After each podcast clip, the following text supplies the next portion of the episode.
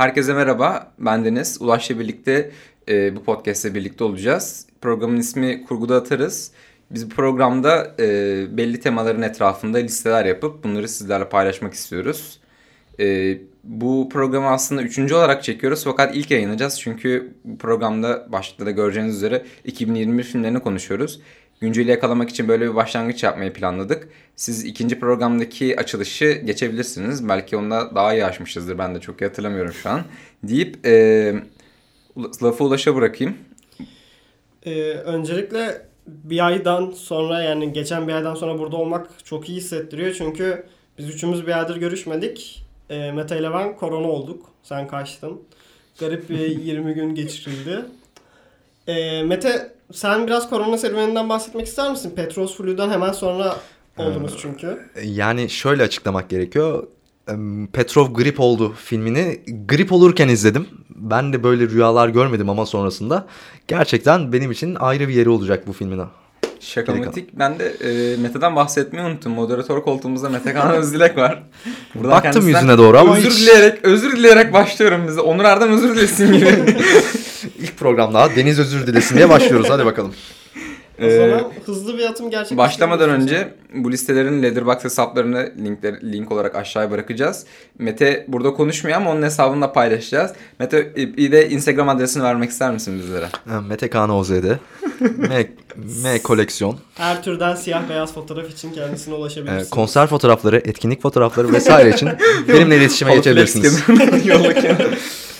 o zaman e, ilk 15'ten onun ona gelene kadarki filmleri bir seri atım gerçekleştirelim. Tamam. İlk onu e, daha detaylıca konuşuruz diyorum. Ben 15 numaramda e, bu sene Venedik'te en büyük ödülü kazanan e, Levemman var. Senin 15 numaran Benim 15'imde e, bir Netflix yapımı olan Sorrentino'nun yönetmenliğinde oturduğu The Hand of God var. Tamamdır. 14 numaraya ne aldın? 14 numaraya ben Drive My Car'ı aldım. Benim 14 numaramda da A Cup Movie var. O da Netflix'e gelmişti bir Meksika filmi.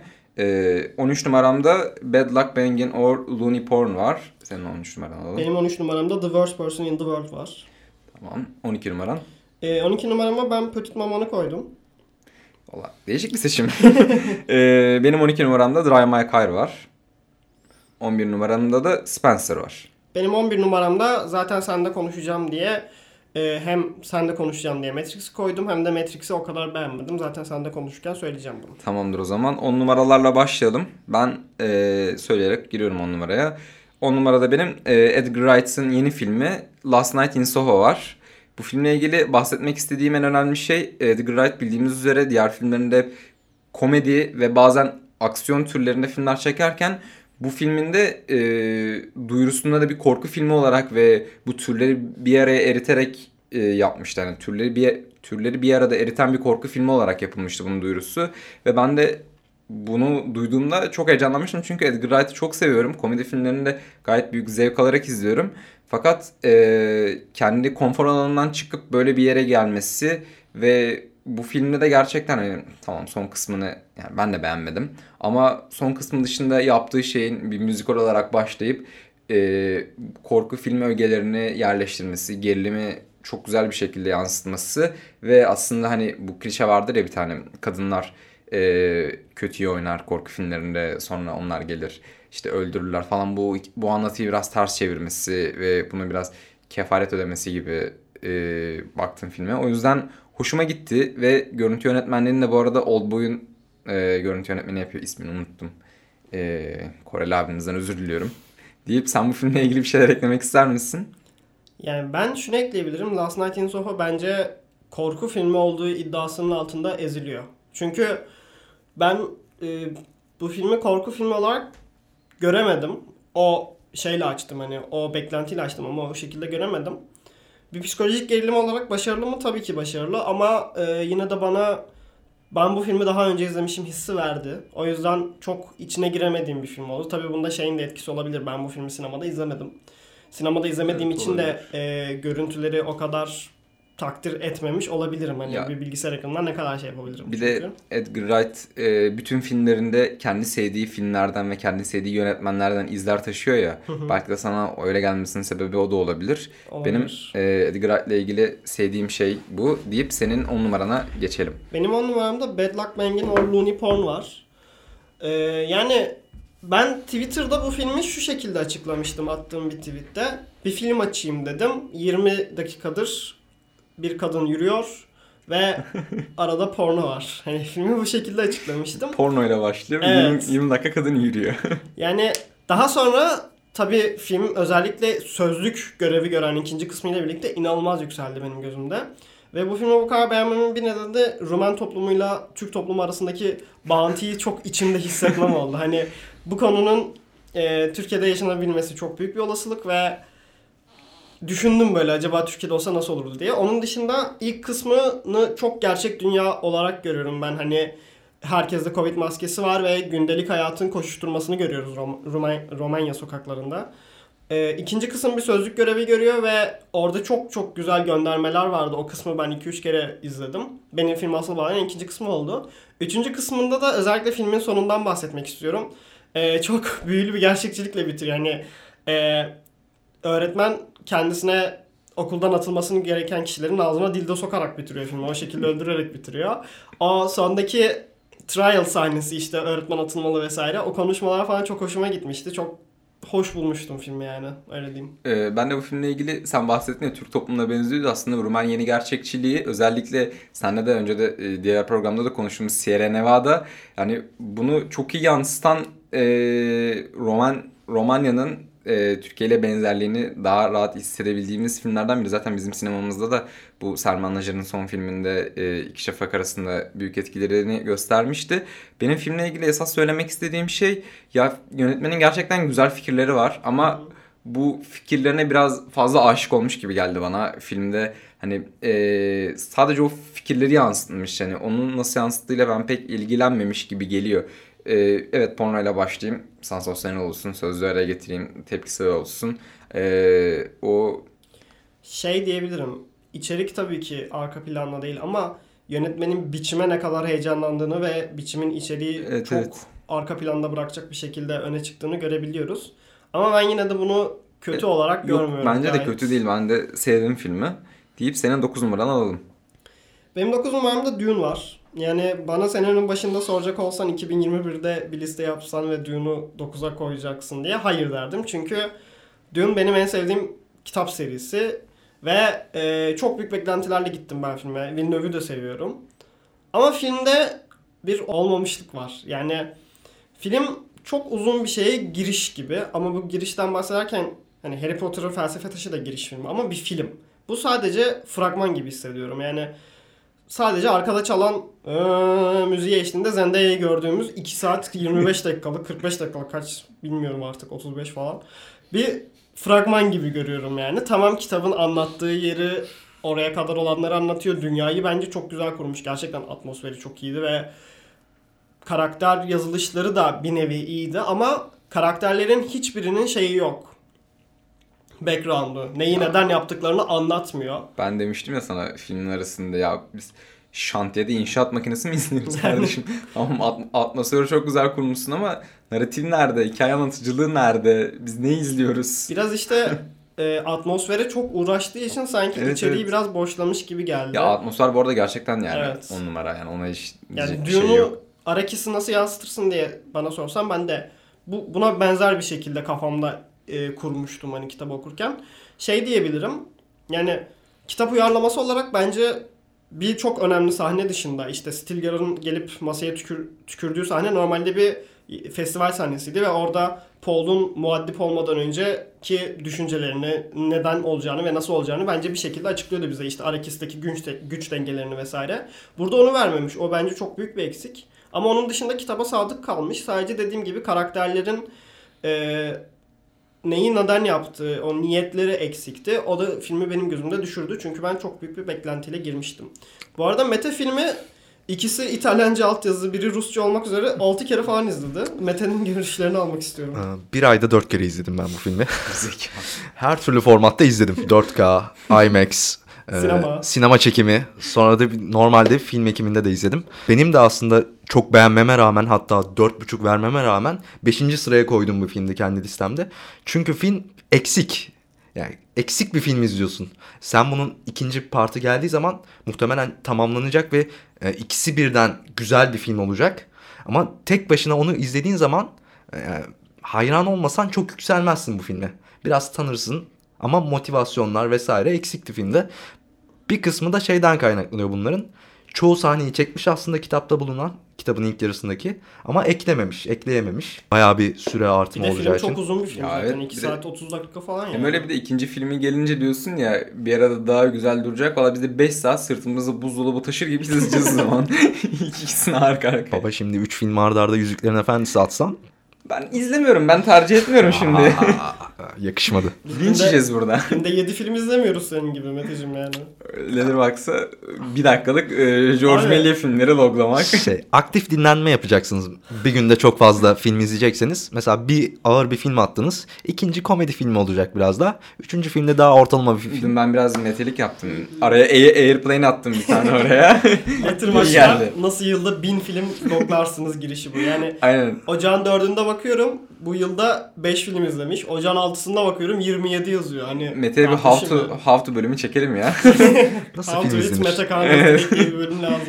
O zaman ben 9 numarama geçiyorum. Ee, benim 9 numaramda The Worst Person in the World var.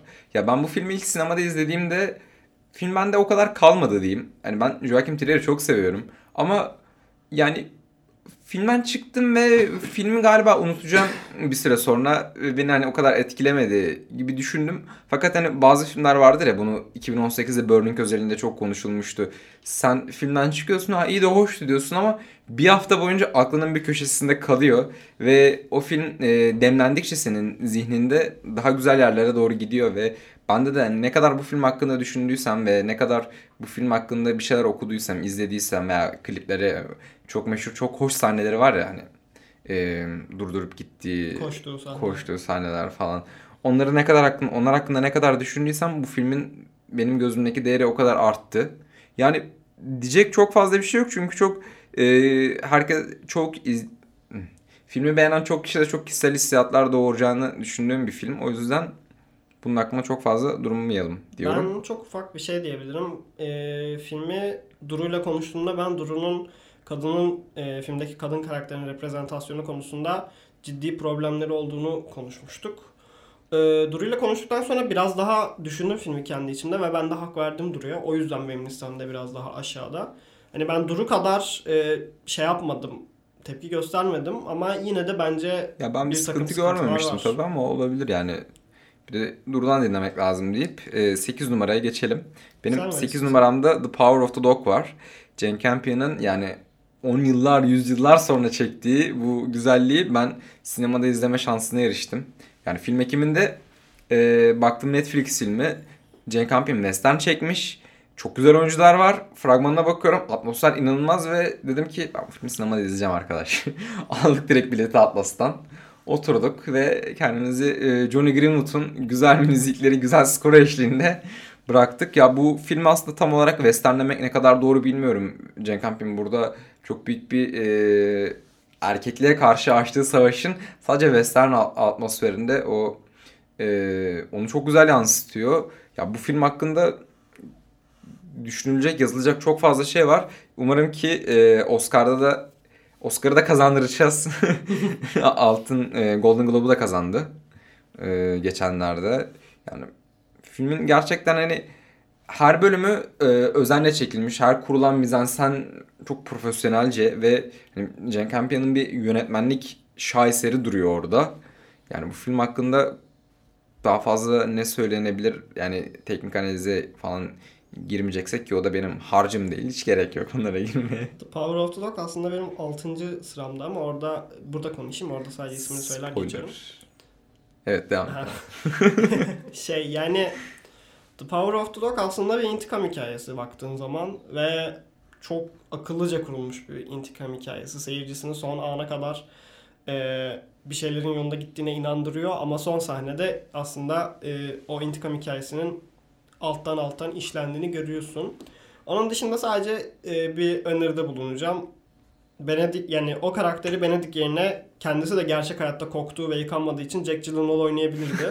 Onu bir eksik olarak nitelendiriyorum. Evet iyi oynamış ama ben şimdi Allah var. Ya iyi oynamış ama yine de ben nedense filmi izlerken şey diye düşündüm. Ee, şakayı bir kenara bırakırsak sanki Matthew McConaughey daha iyi oturulmuş bu role gibi geldi. Ya o- Bedeni, Benedict'in çok iyi oynamasının yanında. O e, gözümüzün önünde Texas deyince canlanan isim olduğu için Matthew McConaughey.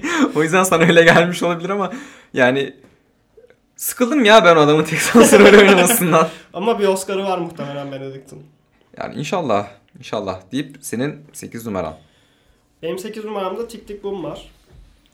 Yani Tik Tik Boom normalde bana bu kadar dokunan bir temaya sahip olmasaydı benim bu listeye alabileceğim bir film değil. Çünkü bir ben müzikal sevmiyorum. Bu kadar sadece. Ee, yani Tik Tik Boom'da ben şeyle çok relate edebildim. Hani bir şeylere geç kalma hissi. Artık öyle bir şeyde yaşıyoruz ki, zamanda yaşıyoruz ki bir şeyler üretmiyorsan sen yoksun. Ve 90'lardan beri gelen bir şey bu. İşte e, Tik Tik Boom'da bu kaygıları görüyoruz ve ben tabii ki bu kadar kaygı yaşamasam bile bu kaygıları sadece ben değil bence şu an üniversite okuyan herkes hissediyor yani. Ben buna işletme zehirlenmesi diyorum. Genelde işletmecilerin yüzünden herkeste bir kariyer kaygısı oluyor. Ve Yanımızda da bir işlet- bizi. işletmeci var bak alındı üstüne. gerçekten bizi mahvettiler. Yani 30'lu yaşlarına gelmek ve hala bir şeyler yapamamak üzerine midlife crisis. Aynı zamanda bir üretim krizi ortasında kalınan bir film. Ve bunları izlerken ben de aynı şeyleri hissettiğimi fark ettim. O yüzden relate edebildiğim bir film oldu ve o yüzden beğendim. Andrew Garfield'ı zaten seviyorum. Ee, o yüzden aldım yani listeme. Öyle diyeyim. Tamam ben konuşalım sen çıkart. Ses geliyor mu? Gelmez olur mu?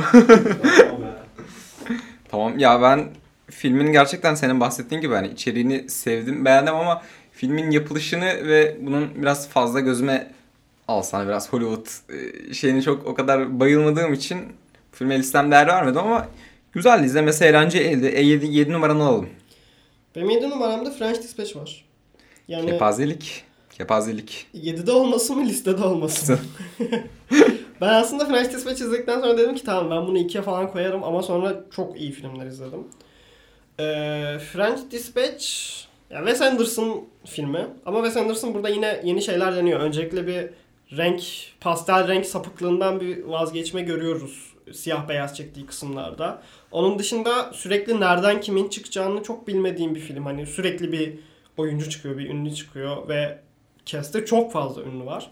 Film birçok bölümden oluşuyor ama benim en sevdiğim bölüm Adrien Brody'nin olduğu bölümdü ve en kaliteli bölüm de oydu bence. Onun dışında Edward Norton'un e, oynadığı siyah beyaz bir suç hikayesi, bir noir hikaye de güzeldi.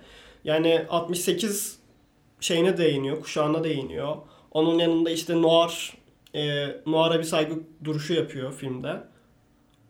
O Ya, yüzden beğendim ben. Hmm, o noir kısmında bir Tenten vurgusu da var aslında. Evet, Tenten var. ya ben filmi hiç sevmiyorum. Sevmeme sebebim de sen bahsettin ya Wes Anderson'ı görüyoruz burada. Biraz fazla Wes Anderson'ı görüyoruz. Yani gerçekten sevdiği her şeyi bir araya getirmiş ama bunları bir araya bağlama çabası yok gibi duruyor ve e, bahsettin ya 68 kuşağına değiniyor. Yani sen 68 kuşağına değinecek bir sinema yapmıyorsun aslında. Yani sen senin yaptığın hikaye anlatıcılığına 68 kuşağını bu şekilde değinmek olmamış biraz abi. Yani parçaları evet bir araya getiriyor ama onları e, bütüne hizmet ettiğini hiç sanmıyorum o parçaların. Yani ben ikiniz de fanzine yazdınız. Fanzinin de bir reklamını yapalım. Noir fanzin gibi Evet. düşünün aslında. Herkes farklı bir yazar. Herkesin farklı Ya. bir e, stili var. Evet, evet, Ona bunu- göre birleştiriyor zaten. Bunu seninle konuşmuştuk ama yani e, ben açıkçası bir fanzine okurken de bir yazının ortasında bırakıp öbür yazıya geçmiyorum. Bu film biraz onu yapıyor. E, bir hikayeyi başlayıp bitirse üç parça şeklinde aslında anlatsa benim filmde o kadar büyük sıkıntılarım olmayacak ama yani onu e, yarısından başlayıp öbür hikayeye getirip sonra karakterlerle hazır empati yapmışken onu bölüp parçalayıp başka şekilde devam ettirmesi benim gözümde filmi bayağı düşürdü. Bir de bir Wes Anderson'lar biraz daha bir eskilere biraz daha eskilere dön. Biraz daha bu sinemayı şey yap. Yani ben karakterlerin orijinalliğini ve özellikle absürtlüğünü çok sevdim. O da zaten Wes Anderson sinemasının mihenk taşı gibi biridir. Ee, Bir şeyidir. Karakterler hem orijinaldir hem de oldukça absürttür. Bunu Grand Buda- Budapest'te de görürüz. Moonrise Kingdom'da da görürüz. Ee, Yüksek. Sadece bir de şeyden bahsedeceğim. Ben artık Timuçin'i izlemek istemiyorum. Yeter be kardeş. Bu yıl Her, her yerden 20 çıktı tane ya. film izledim. 17'sinde bu adam var. Yeter ya. Bıktım ben bu adamdan. Biraz da güzel şeyler konuşalım. Ben 7 numaramı atıyorum. 7 numaramda benim Petit Mamam var. Ya e, Selin Sciamma Portrait of a Lady on Fire gibi büyük bir filmden sonra bu kadar küçük bir hikayeyi 70 dakika içinde 70 dakika içinde ne kadar sinema yapılırsa bence yapılabilirse bence o kadar yaparak bunu bize gösteriyordu. Yani anlattığı hikayenin biçimi ve yaptığı e, geçen mekanlardaki Miyazaki etkisi kendisi de bahsediyor bundan ve bunu anlatım biçimini bu kadar küçük bir hikayede küçük şeyleri anlatırken bu kadar büyük bir film yapmayı nasıl başardığını ben hala çözemiyorum. Yani hanımefendi siz nasıl bir yönetmensiniz? Bu film bizi e, beni açıkçası Portrait of a Lady on Fire ne kadar etkilediyse bu filmin de hiç aşağıda kaldığını düşünmüyorum o konuda. Yani Portrait of a Lady on Fire tabii ki biraz daha hani epik bir filmdi. Daha e, duygulara birinci yönden etki eden bir filmdi ama bunun da yönetmenlik ve sinema olarak ondan aşağı kalır yanı olduğunu pek düşünmüyorum. Sen Katılıyorum sana kesinlikle. Ben çok minimalist ve tatlı bir film olarak nitelendiriyorum. Ki e, hatırlarsınız ben izlerken size yazmıştım ilk 40 dakikasında çok teveccüh gösteremediğimi. Ama yani bilmiyorum. sana küfür etmiştik. Ben yine aynı şeye geliyorum burada. Hani bilgisayarda izlemek ve sinemada izlemek farkına geliyorum. Gidin kardeşim şu sinemaya. O yüzden- Gidin ya. Ee, Şaka şaka bir yana sinemalar çok pahalı şimdi lafını böldüm ama yani kimse de hiçbir şey denmiyor. biraz ondan neyse ona Licorice Pizza'da bahsedeceğim. Bir Sen iyi spoiler veriyorsun ha programda çatıştır. Biraz bekle kardeşim bir konuşalım. Ya Petit Maman bir time travel öyküsünü anlatılabilecek en tatlı şekilde anlatıyor ve çok çok tatlı bir film ama benim için ilk ona girecek kadar iyi değildi. o zaman 6 numara. Sen 7'ini konuştuk mu senin? Konuştuk. Ne diyedin? French Special. Ha tamam. O zaman ben 6 numaramı vereyim. Sen ver çünkü ben The Power of the Dog benim altı numaram ama konuştuk. Tamam ha zaten. tamam o zaman. Ee, benim 6 numaramda Petros Flu var. Petros Flu ile ilgili detaylı dinlemek isterseniz kendi programımızın reklamını yapalım. Ee, sinema hakkında bildiğimiz 2 ya da 3 şeydi. Enes de orada bir program yapıyoruz. Enes'in Onda Enes'in baya hayran olduğu bir... Odasında posterinin bulunduğu bir film. ben de aldım posterini bu arada. Bize almadın Mete'yle. Ee, yani biraz geç haberiniz oldu. Neyse. O kadar laf attık. Neyse. Likoris'i çözüyorum buraya. 3 tane likoris çözüyorum buraya. Siz dert etmeyin. Siz canınızı sıkmayın. bir Matrix'imiz olacaktı en son ama. Matrix'i de çözüyorum. Ya oğlum kardeşim korona oldu. Ben ne yapayım? Geçmiş olsun dileklerimi olsun. ileterek. Buradan Meltem Kaya, Meltem Kaya. Size geçmiş olsun diyoruz. Geçmiş olsun dileklerimizi iletiyoruz. Yani ne çözebiliyorsa depodan hepsine talim. Ee, ya ben Petrosulu hakkında Kaan Karsa'nın e, bahsettiği şeyden bahsetmek istiyorum. Yani Rus işi I am thinking of the ending things demişti. Gerçekten hani zihin sinemasının anlat, anlatış şekli ortaya ana bir hikaye koyup onun etrafında kendi e, kendi dolaştığı şeyler tamamen yani yönetmen dolaşıyor bir şey bir, yer, bir yerler hakkında. Medium'u bozuyor. Her şey başka bir şeye hizmet ediyor ve hani sinemada izlerken gerçekten hani arada dönüp bakıyordum böyle insanların yüz ifadelerini biz ne izliyoruz kafasındalar mı acaba falan diye. Beni etkilemişti ve izlerken de çok hoşuma gitmişti. Yani zaten son dönemlerde çıkan Rusya'daki bu tarz filmler biraz daha kendiyle hesaplaşma, Rusya'nın karanlık geçmişiyle hesaplaşmayı içeren ve bunu da kendi yönetmenlik üslubuyla, kendi hani kendi otörlükleriyle yapan yönetmenlerin filmlerini çok seviyorum. Ki Serebrennikov'un ilk defa yaptığı bir şey değil. bu. Evet evet Leto'da da Leto'da da yine yapmış. Sovyet Rusya geçmişiyle e, önemli bir şekilde yüzleşiyordu. Ben Petros Flu hakkında yine spoiler e, daha sonra konuşacağım. Benim listemde daha sıralarda. İstiyorsan 5 numarama geç. 5 numaralara geçmeden önce bir senenin hayal kırıklıklarını konuşalım istiyorum. Yani sadece film özelinde mi yoksa sinema özelinde mi? Ya iki anlamda da konuşabiliriz bence. Hem hayal kırıklığı yaratan filmlerden bahsedelim. Hem de sinema üzerinde. Bir de izleyemediğimiz filmlerden de bahsedebiliriz. Bu listeye girebilecek ama daha erişemediğimiz, daha sinemalara gelmeyen Ben filmlerden. hayal kırıklıkları olarak düğünden bahsettim zaten. Drive My Car üzerine olan hayal kırıklığımı biraz daha açabilirim. Ee, ben Murakami'yi seven bir insanım ve Drive My Car'ın esinlendiği hatta direkt adapte edildiği öyküyü okumuş biriyim ve daha farklı şeyler bekliyordum bu filmden. Tabii 10 sayfalık bir öyküyü 3 saate yayamayacaklarının farkındaydım. Bir şeyleri değiştirmeleri gerektiğini farkındaydım. Ama yine de bir istemsizce bir hayal kırıklığı oluştu bende. Tabii bunda şeyin de etkisi var. Ben okuldan çıktım. Çok yorgundum. 21.45 seansına gittim. Film 3 saat. Zaten Tır tır. şey yani bindirdi benim üstüme şeyi buzdolabını. Hadi dedi. Dördüncü kat. Zaten hani Maslak'ta 12 kat çıkıyorum asansör bozuk. Bir de uyudum falan ben filmde. O yüzden çok şey yapamıyorum. Onun dışında hayal kırıklığı olarak Ya ben atayım bir hayal kırıklığı. Ya Drive My Car'a katılıyorum ben de. Ama filmi sevdim ama filmde e, filmi beğenenler kadar empati kurabildiğimi düşünmüyorum. Ya benim en büyük hayal kırıklıklarından biri Bergman Island. Ya ben ben bu filme festivalde para verip gittim kardeşim. Bak biz bu filme 10 euro harcadık. Nasıl geliyor? Çok insight oldu bu ya. Olsun. 3-5 erkek gülsün biraz da buna. Zaten hep erkekler dinliyor bu programı. Ya sevmedim gerçekten hani filmle bağ kuramadım. Filmin yapmak istediği şeyi anlayabiliyorum ama filmin e, bakış açısıyla hiçbir şekilde bağdaşamadım.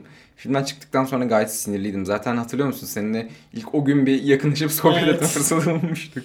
Ee, benim 2021'e dair bir hayal kırıklığımda Siyad'ın 2020 filmleriyle 2021 filmleri arasındaki farkı bilmemesi oldu. Baba 2020'nin en iyi filmleri diye liste yapıyorsunuz. 20 filmin 5'i 2020 filmi. ya. Allah aşkına ya. ya bir tane de 2019 filmi var galiba. Yani Gerçekten. hayır bir de bir Word not şeye falan iPhone'da not yerine falan yazmışlar. Excel atsaydınız yani. Burak Çevik öyle yaptı. Siz de Excel'den atsaydınız. Bu nasıl bir şeyliktir? Ya benim ikinci e, hayal kırıklığım French Dispatch. Konuştuk. Benim Daha da bir şey bir şey demek Benim istemiyorum. sinema kulübü. Wuhan olduk ya. Korona olduk bitti dönem bitti yani. 20 kişi. Tabii Kerem'in Covid kokteylinden içtiğimiz için o, oradaki 20 kişi korona olduk. 20 gün evdeyiz ya. Ben biraz yırttım. Sorunsuz atlattık. 4 ayak üzerine düştük. İzmir'deydim. İzmir'den geçtim. Bir hafta sonra ailem korona oldu. Gariptir mesela Deniz de temaslıydı o gün. Enes gitti koca İzmir'de temaslı olduğunu bildiğimiz tek kişiyle buluştu. O da inanılmaz bir akıl tutulması. Burada Doğumu- Deniz Kaya'ya Enes'i evinde ağırladığı için.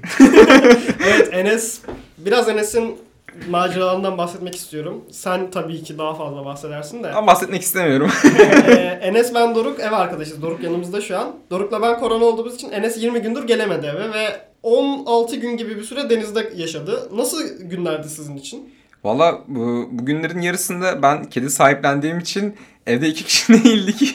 Gerçekten e, biraz haylaz bir kediye sahip olduğum için Enes'i biraz zorladı. Bana e, gitmeden önce son gün dedik ki yani misafirperverliğin 10 üzerinden 6 kırdım 4 puan da kedinin yüzünden. Başına da bu üçlünün beraber girdiğini hatırlatmakta fayda var. FaceTime'da olsa ne yazık ki. Güzel zamanlardı deyip e 5 numaralara geçelim. Alalım 5 numaradan. 5 numaramı hemen... Bu, bu arada fark ettiysen yani bir kel değiliz, bir Ozan Can Sülüm değiliz ama moderasyon be kardeşim. moderasyon. Benim 5 numaramda Come On Come On var. Ben bu filmi izledikten sonra size dedim ki ben bunu 1'e koyacağım ama 5'e koydum. Ya Come On Come On tipik A24 filmi aslında. Ama anlattığı hikaye Bütün tuşlara basmış diyebilir miyiz? aynen Yani? A24 gerçekten basabileceği tüm tuşlara basmış. Ama anlattığı hikaye çok tatlı bir hikaye ve o işte amcasıyla çocuk arasındaki ilişkinin boyutları, aynı zamanda amcasıyla kız kardeşi arasındaki ilişkinin boyutları ve sonunda her şeyin bir şekilde güzele bağlanması beni çok etkiledi. Ee, onun dışında da işte çocuğun amcasına bıraktığı ses kaydı, o radyo kaydı beni çok duygulandırmıştı. O yüzden özel bir film. Ama çok üstüne konuşabileceğim bir film değil çünkü sadece bir deneyim olarak Ya, çok sevdiğim bir film. Ben filmi izlemedim. 5 numaramı konuşayım sonra da daha izleyemediğim filmlerden bahsedelim. Ben burada dedim izleyemediğim filmlerden bahsedelim diye de direkt 5'e geçtik. Kendime moderasyon olarak övüyordum ama büyük bir gerizekalılık yapıp söylemeyi unuttum bunları. Benim 5 numaramda Matrix var. Ben tekrardan kendi reklamımızı yapmak gerekirse biz e, bir hayli fazla Matrix'ten bahsettik. Burada da demek istediğim şey yani çok büyük bir üçlemenin ve bir e, çağ açan üçlemenin günümüzü bu kadar iyi yakalayabilmesi benim gözümde çok iyi yerlere getirdi filmi. Ve yani bu konu hakkında sen, ne sen neler demek istersin? Senle Matrix hakkında çok fazla konuşma şansı elde edememiştik. Yani Matrix bir devam filmi değil. Bu konuda hepimiz hemfikiriz. Matrix kendi hikayesini baştan kuran bir film. Ee, popüler kültürle dalga geçen hatta zaman zaman zaman zaman değil kendiyle dalga geçen bir film. Ee, şey çok hoşuma gitmişti benim ilk başta. İşte her şeyin aslında Matrix'in bir oyun olduğu olgusu vesaire. Yani şeyden bahsedebilirim. Matrix 99'da çıktığı zaman da denenmemiş şeyleri denediği için e, tabii ki hikayesinin yanında şey olan bir filmdi. Kült olarak direkt nitelendirilen bir filmdi. Ama burada Matrix biraz kendi yarattığı beklentinin aşağısında kalıyor. Çünkü denenebilecek bir şey kalmadı artık. Ya biraz da o kendi yarattığı beklentiyi parçalamak istiyor gibi geliyor bana da. Yani burada sadece şey diyeyim yani 99'da çekilen film teknik olarak daha iyi bir film. Ya ama bu filmi teknik olarak ve aksiyon sahneleri olarak düşünmemek lazım. Lana Wachowski bu filmin aksiyon sahnelerinde bir kurgucu getirmemiş. Hepsini kendi başına kurgulayıp çekmiş yani. Öyle bir derdi yok kadının. Tek yenilik filmde şey diyebilirim işte NPC gibi apartmandan atlamaları diyebilirim ama o da Bu arada onda da CGI yokmuş biliyorsun değil mi? Şeyi tamamen ipe bağlayıp atlamışlar. Ciddi mi? Evet evet tamam hiçbir şekilde CGI yok ve Bak, helikopter sahnesinde CGI, helikopter diyorum şey. Hani helikopter sahnesinde CGI olmadığını biliyordum. Evet. tamam işte çatıdan atlama işte ya. Sonda Tamam, da gerçek bu arada. Ya. Şey Ha. atlıyorlar ya Matrix'teki insanlar atlıyor ya aşağı. Ha, Ondan ha. bahsediyorum. Ha. Okey. Ben şeyden bahsediyordum. Son sahnesinde uçuyorlar ya o da gerçek bir sahne. Şey muhabbetini hiç sevmedim ben işte Neil Patrick Harris zamanı durduruyor, boş yapıyor ya yani. Ne gerek var buna? Ya bir de şey sıkıntısı var. Mesela 99'daki film diyoruz. Matrix'te en bilinen sahne o kurşunları durdurduğu gösterilen aslında durdurmayıp daha hızlı on- onlardan daha hızlı hareket ettiği bir sahne var. Burada direkt şey olmuş. E, durduruyor bu sefer mermileri. Hareket etmiyorlar hızlı. Böyle ellerini uzatıyor ve Ya, şey oluyor. Duruyor filmin- mermiler. Filmin genel derdi bence orada değilmiş gibi geliyor ya. Hani bunlarla hiçbir derdi yokmuş gibi geliyor bana. Filmin genel derdi bence de Ben şey diyebilirim. şey değil, Matrix değil yani. Ben yapmak istediği şeyi çok beğendim ve saygı duyuyorum. Ama yapılış şeklini hiç beğenmiyorum. Ya bu filmi iyi kötü olarak değerlendirmekten ziyade e, gene Lana Wachowski'nin sinemaya bıraktığı bir iz olarak bakmak bence daha doğru gibi geliyor bana. Ya- Çünkü hani 99'da yaptığı izi bırakamadı ama gene de e, şu an yarattığı sansasyon ve büyük ihtimal güncel sinemayı yakalayışı ve daha doğrusu sinema sinemanın gittiği yeri e, kendi perspektifinden bakışı olarak bir iz bıraktığı gibi geliyor bana. Ya sen muhtemelen bundan e, daha sonra da bahsedersin ama e, bu yıl çıkan filmlerde bir de şey de vardı ve ben bundan sonra çıkan filmlerde de bunun olacağını düşünüyorum. Sinema artık kendisiyle dalga geçmeye, kendisini biraz öğütmeye başlıyor. Ya işte o metalaştırmayı Aynen. çok güzel E, yapmaya nosyonu iyi başladılar. bir şekilde yapmış ve Lana Wachowski'nin aynı zamanda kendisiyle bir nevi hesaplaşmasını da içeriyor film. İşte bir yerde şey diyordu. Matrix aslında translar üzerine kurulu diye bir e, şey geçiyordu. Bir trans hikayesi diye bir metin geçiyordu şeyde. Filmde ve bu Lana Wachowski'nin 4 yıl önce verdiği bir röportaj veya tweet. Hani ondan da çok büyük e, şey yemişti, linç yemişti ve bu şey, burada dalga geçebiliyor. Ki gereksiz bir linç yemişti Ya yani. aynen. Ama rahat rahat anlatabilecekken yine oralara girmemesi biraz şey değil mi?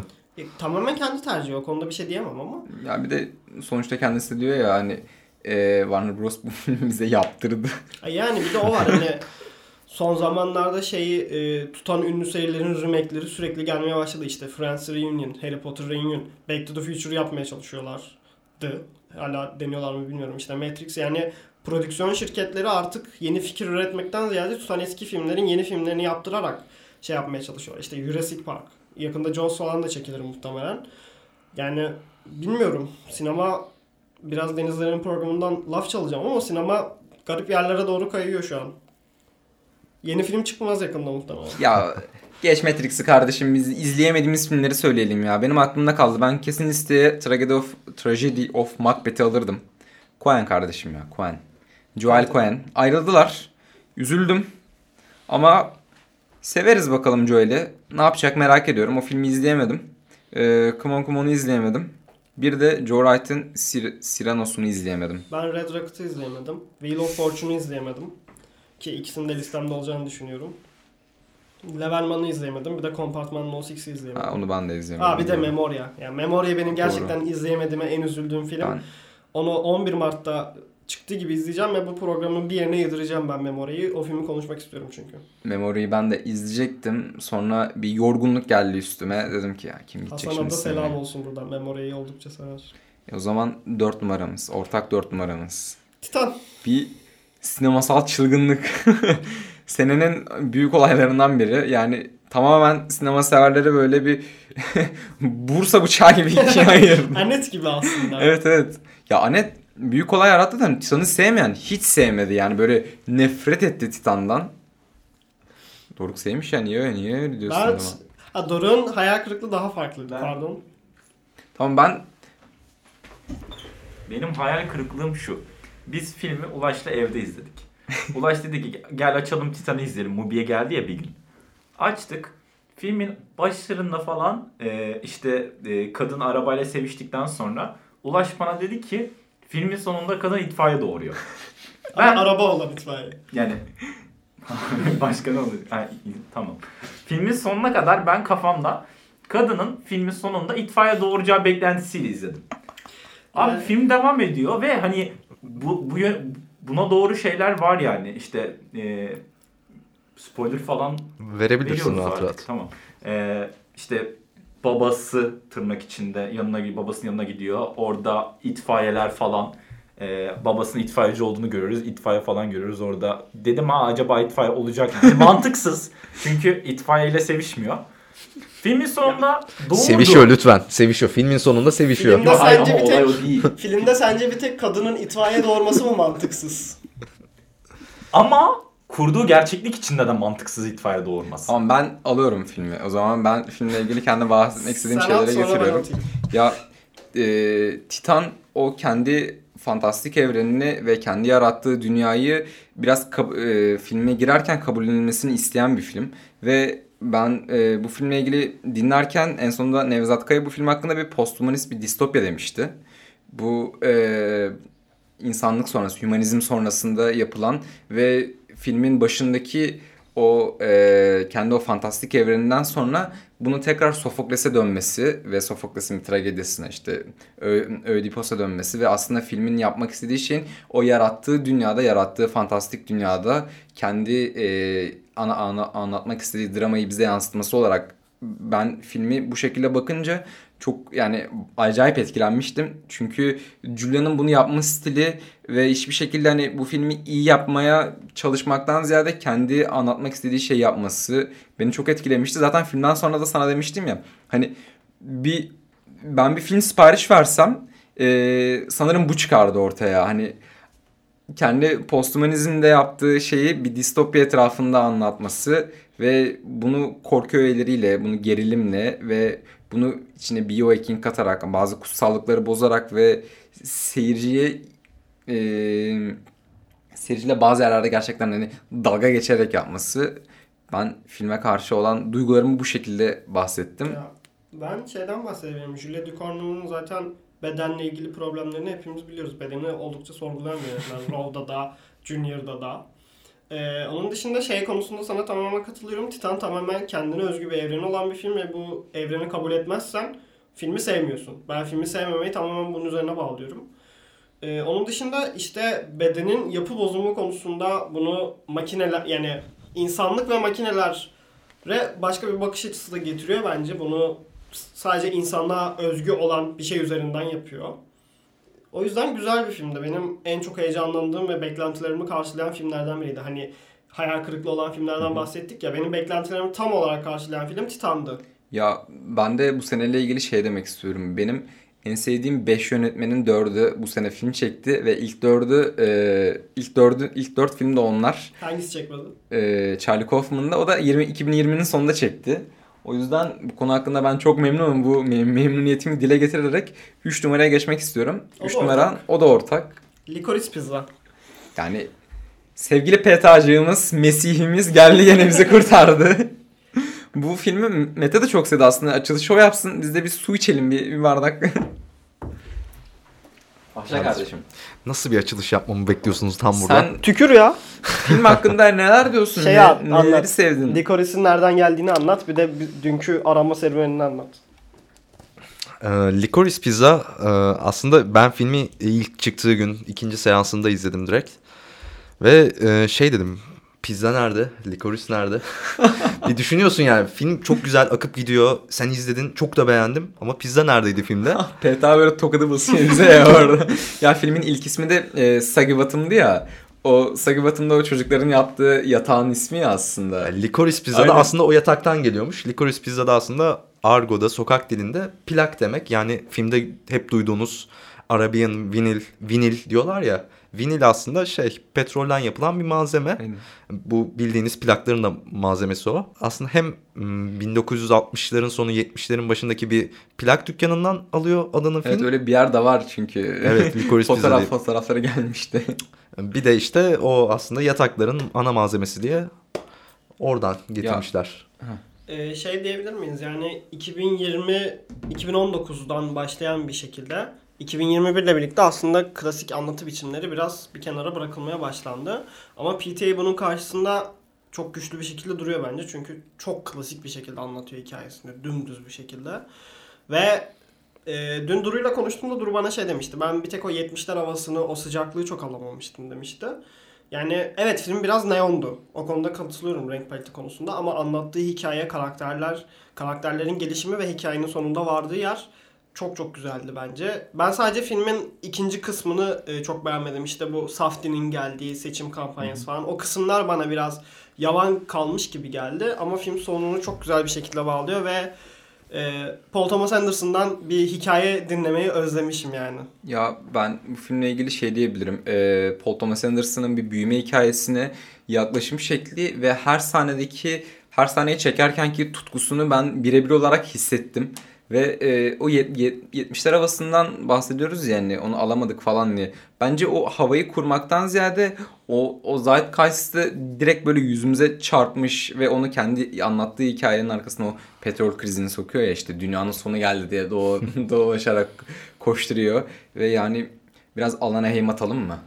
Ya Filmle ilgili bahsetmek istediğim şey bu arada Alana Haim'in e, filmin, filmdeki ismi de Alana. E, kardeşleri gerçek kardeşleri. Ailesi. a- ailesi direkt gerçek ailesi. Ve hepsinin gerçek ismini kullanıyor ve bu üçünün Haim diye bir grubu var. Ben seviyorum bu arada Evet, o grubu da. ben E, onu. Dinlemekten bayağı- gayet hoşlandığım bir grup. Bir de şey triviyası vardı galiba. Baba bütün repliklerini kendisi söylemiş. şey what the fuck diye bir giriş sahnesi var ya orada direkt ilk take'i kullanmışlar ve görünce what the fuck demiş kızın. Bir de Philip Seymour Hoffman'ın e, güzelim oğlu. Valla duygulandırdı. Bu kadar olamaz ya. E, o bazı bakışlarda hani babasına flashback attı kafam yani direkt. Bir de ilk filmi sanırım. Evet ilk film. Ya ama ilk film olarak bakmak çok doğru değil çünkü PETA ile ilk film olarak bakmak lazım çünkü e, oyuncuların PETA'nın elindeki oyuncuların e, aldığı performanslar inanılmaz inanılmaz. Tom Waits ne yaşlanmış be. Waits gerçekten çökmüş şu an. Çökmüş adam. Şampen de çökmüş. üzüldüm. Şampen tam şey Şampen olmuş zaten ya. çöküktü de. Al Alanya'ya gelen İngiliz turistler var ya. Ben bir de şeyden tam onlar bahsedeyim. gibi olmuş. Şeyden bahsedebilirim ben de. Aslında film klasik bir Amerikan rüyası filmi. Çünkü 16 yaşındaki bir çocuk kendi işini kuruyor. Hani liberalizm şey liberalizm. Kapitalizm. liberalizm ne alakalı abi? Hani Ya, so- rekabetçilik işte, kendi işini kurma, bireysellik. Onun e, etrafında bir öykü anlatıyor. Orada da Amerika'nın yapı taşlarına laf atıyor yani. Onu da söyleyeyim. Laf atıyor derken yani eleştirmiyor da onlara değiniyor. fırsatlar ülkesi diyebilir miyiz? Mesela Tabii canım. batıyor. Amerika ile birlikte batıyor ama hemen başka bir fırsat buluyor kanun değişikliğinden. Oradan zengin olmaya başlıyor bir anda. Biraz da klişeler diyelim ha. Taşı O zaman- toprağı altın ya. Tabii canım ya o zaman taşı toprağı altın dedik ben sizi Texas'a götürüyorum. İkinci iki numaram Red Rocket. Ya bu Sean Baker'ın e, benim en sevdiğim filmi oldu ve yıl içinde galiba izlerken e, kendime en çok kaptırdığım film oldu diyeyim. Ben Red Rocket'la e, Licorice Pizzac'ı arka arkaya izledim.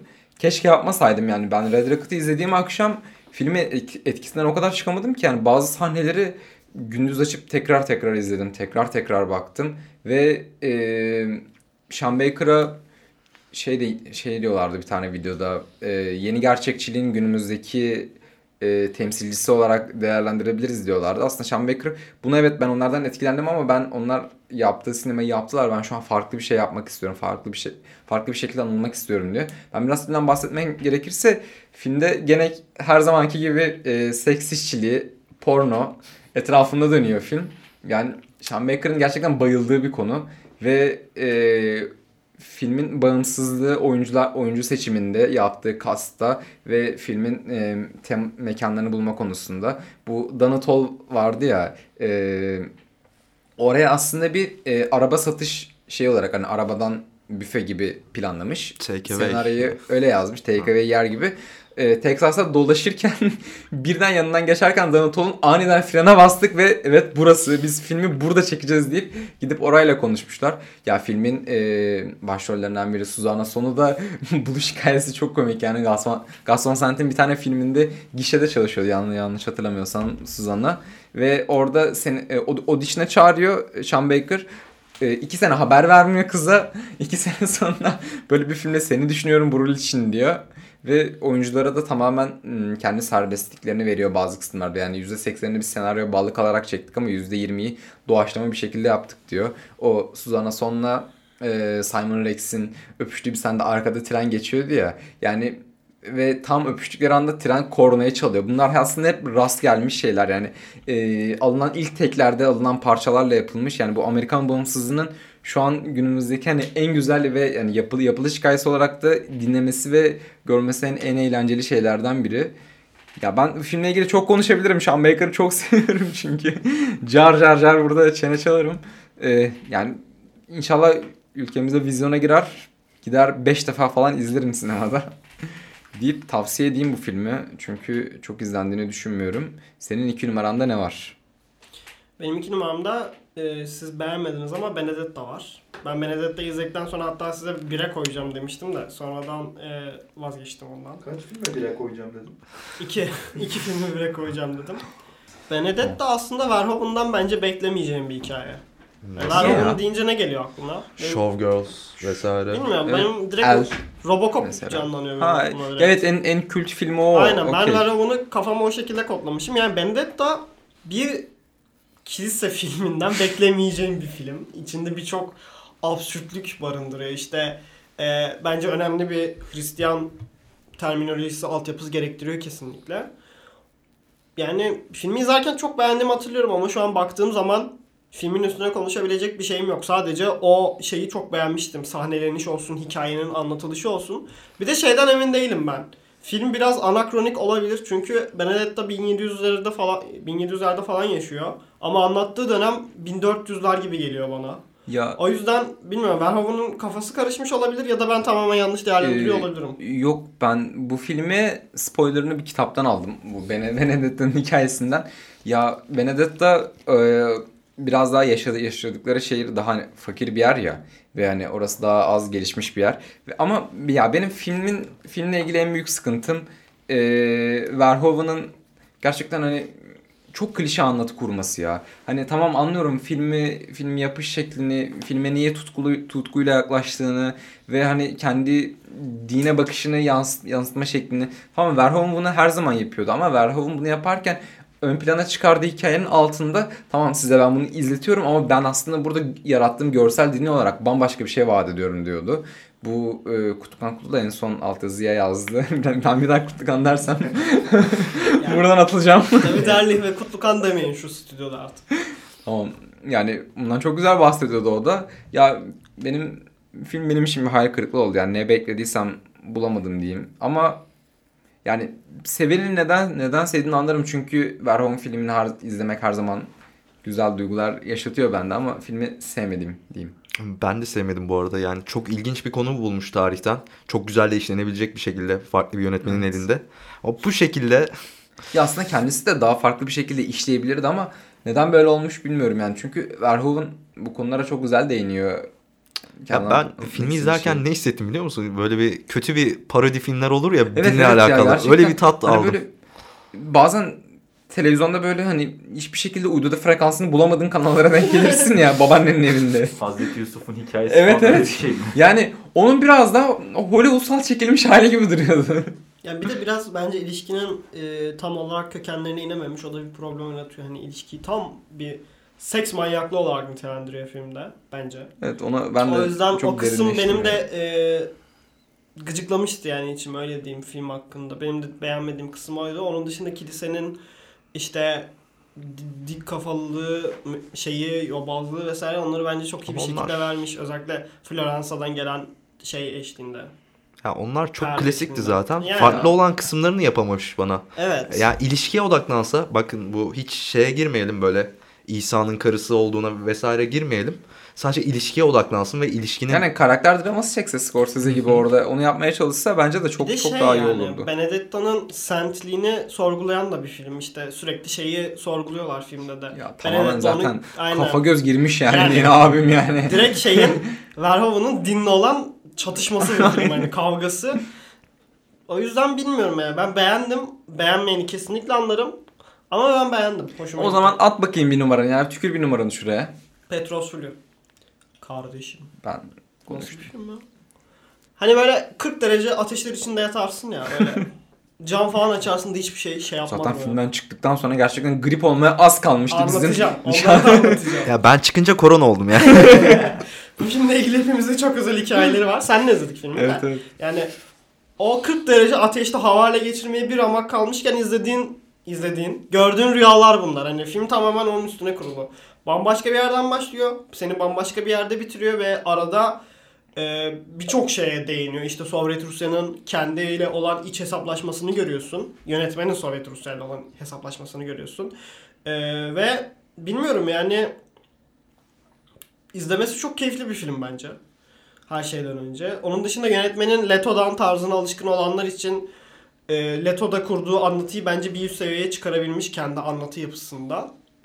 E, Ben Leto tadını siyah beyaz kısımlarda aldım. Geri kalan da aslında bana farklı geldi biraz daha. Bilmiyorum. Ben de yine benzer ögeler buldum ben. Siyah beyaz kısımda tabii ki ama yine de Ha, görsel hikayenin- olarak benim dediğim. Evet başlangıcında vesaire de bence Leto'ya e, Leto'dan ufak şeyler var. E, şeyden bahsedebilirim işte siz zaten programımızda bahsettiniz. Leto'da birçok medium kullanıyor diye işte duvar yazıları olsun şeyler olsun. Petrosül'de. Ay Petrosül'de. Senin Le- canın sağ olsun. şey Leto'da da çünkü şeyi senin, kullanıyor. senin canın sağ olsun. be.